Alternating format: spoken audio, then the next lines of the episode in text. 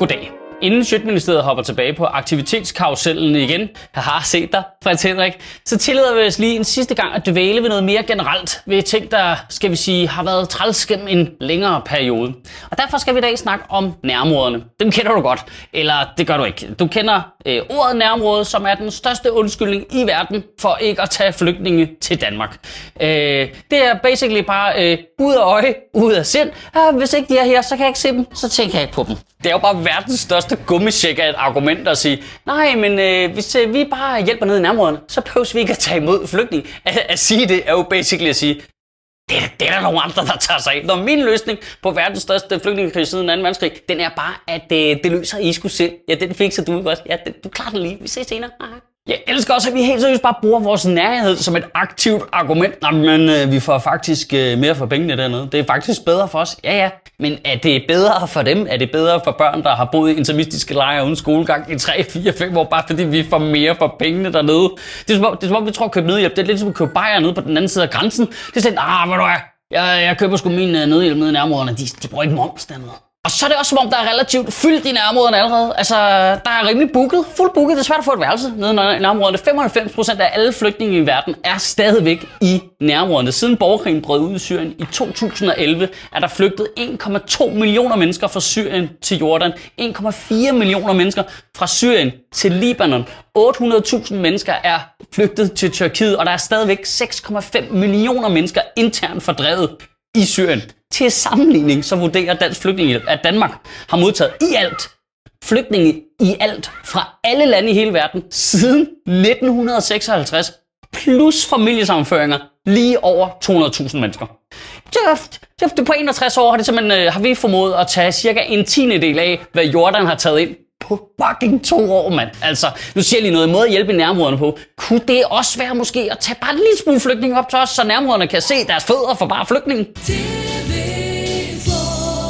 Nu er de her, nærområderne. Er du også træt af uoverskuelige problemstillinger uden nemme løsninger, så er nærområderne lige noget for dig. Det er et nemt anvendeligt argument, hvor du kan deponere alle dine bekymringer og på ingen sekund slippe for at tænke på noget som helst. Og hvis du slår til nu, så får du ovenikøbet også bare tager Saudi-Arabien ikke imod nogen flygtning argumentet med helt gratis. Nå ja, og så vil jeg lige ved at glemme det dummeste af det hele. Øh, Danmark hjælper øh, ikke mere i nærområderne. Vi hjælper mindre i nærområderne. Jamen, jeg var lige ved at glemme det, for det er så dum en information, at det næsten ikke kan sidde fast inde i hjernen. Vi siger, at vi vil hjælpe i nærområderne, men vi hjælper mindre i nærområderne. Altså, det er sådan, det, det er som om, der ikke er noget velcro på det argument. Det kan, det kan ikke sidde fast inde i hovedet. Altså, det er som om, det er som at en seddel op på en opslagstavle uden en tegnstift. Bare, vi hjælper mindre i nærområderne. Vi hjælper mindre i nærområderne. Vi hjælper mindre i nærområderne.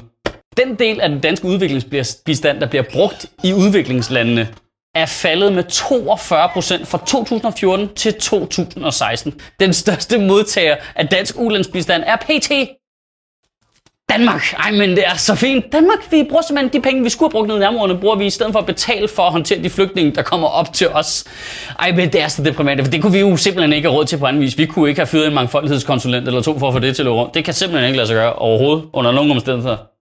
Men Jordan, øh, Syrien, øh, Libanon, nej, nej, de må selv ikke have råd med det.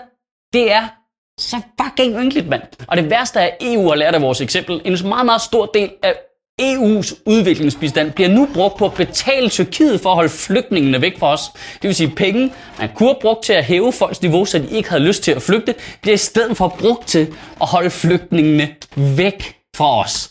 Det er så dumt, det er så dumt. De, de får det ikke bedre, de bliver ved med at have lyst til at flygte, så skal vi bruge flere penge på at forhindre dem. Min hjerne kan slet ikke have noget, det er så ulogisk. Altså, jeg, jeg får fysisk ondt i hovedet, jeg kan mærke det sådan, det, det, altså det er sådan en informationsmæssig brain freeze. Nærområderne har jo ikke brug for, at vi hjælper dem mindre for helvede. Nærområderne er under sindssygt meget pres. Nu, nu smider jeg bare lige en vanvittig information. Der er krig nede i nærområderne. Altså, de har brug for, at vi både hjælper dem nede i nærområderne, og tager bare nogle af dem herop. Og nu, prøv nu, nu jammer jeg bare helt sygt. Det behøver jo ikke at være 8 millioner flygtninge, vi skal tage til Danmark. Hvad med, vi som minimum bare tog imod de 500 FN-kvoteflygtninge, vi har lovet at tage imod? Det tror jeg ville hjælpe relativt meget. Jeg ved ikke, hvad det er, folk de forestiller sig, når de tænker på nærområderne. Jeg tror, nej, men så kan de da lige sove på en sofa hos en ven i nærområderne. Æh, nej, nærområderne er telte og blikskuer og fucking ingen mad og ingen... Prøv, prøv, nærområderne, det er det her. Det er det her, der er nærområderne. Prøv at se her. Det her, det er nærområderne. Det her, Det er Sartai flygtningelejren i Jordan. Der bor 75.000 mennesker, familier, børn, har boet her i 6 år snart. Der er børn, der er født over 5.000 børn i den her flygtningelejr. De bliver ved med at bo her. De kan gå i skole to timer om dagen. De får stort set ingen mad. Prøv, prøv at tænke over det. 6 år. De har været tvunget til at være her i 6 år i de her skure, mand.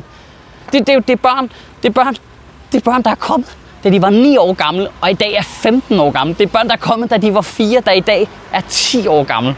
Og der er børn, der er født her og stadigvæk bor her. 47 procent af de syriske familier her i Jordan er helt eller delvis forsørget af et barn.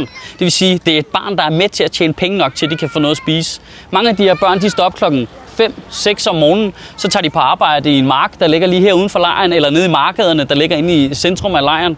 Og så arbejder de altså, øh, til de har fri to timer midt på dagen, hvor de kan gå i skole i to timer, hvor nødhjælpsorganisationerne laver skolegang for dem, så de kan få en lille bitte smule retning på deres liv. Og så er det tilbage på arbejde igen. Og når det øvrigt er fyldt 18 år, bum, så er der ikke noget uddannelse, så er der ingenting. Så sidder du bare her og kukkelurer fuldstændig uden perspektiv. Og så er der mange, der gør det, at de tager chancen og siger, okay, jeg gider ikke blive i lejren. Jeg tager tilbage til Syrien og håber på det bedste. Og så kan du selv gætte på, hvor mange af de drenge på 18 år, der ender med at stå med en riffel i hånden.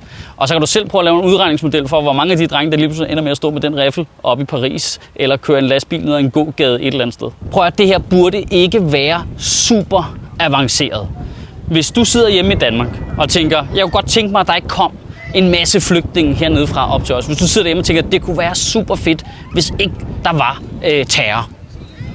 Så er det meget simpelt. Så skal du have fat i den folketingspolitiker, du stemte på sidste gang og sige, hvordan i alverden kan det være, at vi ikke hjælper de her områder med penge, så de kan hjælpe sig selv, for det vil de sindssygt gerne. Prøv at det er Prøv at, det er så pinligt, at vi har sat penge af til at hjælpe de her mennesker, som vi så bruger hjemme i Danmark. Det er ikke derfor, det, det føles sindssygt forkert at bare sige det højt. De kan jo ikke engang forstå, hvad jeg siger, men prøv at tænke på, hvis jeg skal fortælle. Gik over og fortælle ham derovre. Ja, vi har sat rigtig mange millioner af til at hjælpe jer, men ej, vi blev lige nødt til at bruge dem hjemme i Danmark, verdens rigeste land det, det, jeg kan slet ikke, øh, jeg kan slet ikke have det, altså. Men nu hvor vores politikere hænger i bremsen, så må vi jo gøre noget selv. Så jeg har besluttet, at Sjøtministeriet tager alle de donationer, vi får fra jeres seje seere i august måned, og sender videre til Red Barnet. Jeg har lige tjekket det. Vi får ca. 9.145 kroner per afsnit. Der var fire afsnit i august måned. Det vil sige, at vi sender 36.508 kroner videre til Red Barnet. Det gør vi den 3. september, hvor Red Barnet har landsindsamling. Og frem til den 3. september, der kan du på sjøtministeriet.10.dk se en stor, fed, rød donationsknap, hvor du kan gå ind og give et enkelt beløb, hvilket som helst beløb, du har lyst til, som vi så lægger oven i vores Sjøtministeriet donation, og så sender vi det videre til Red Barnets arbejde her i Sayatari i Danmark og i hele verden for udsatte børn den 3. september. Og nu lægger jeg lige en presbal her til sidst. Jeg synes, det kunne være så fucking awesome, hvis alle de andre gik ind, gav en lille mønt, og vi fordoblede Sjøtministeriets donation øh, til Red Barnet. Men det er bare en presbal, som jeg har smidt ud. Kan du have en rigtig god uge, og bevare min bare røv.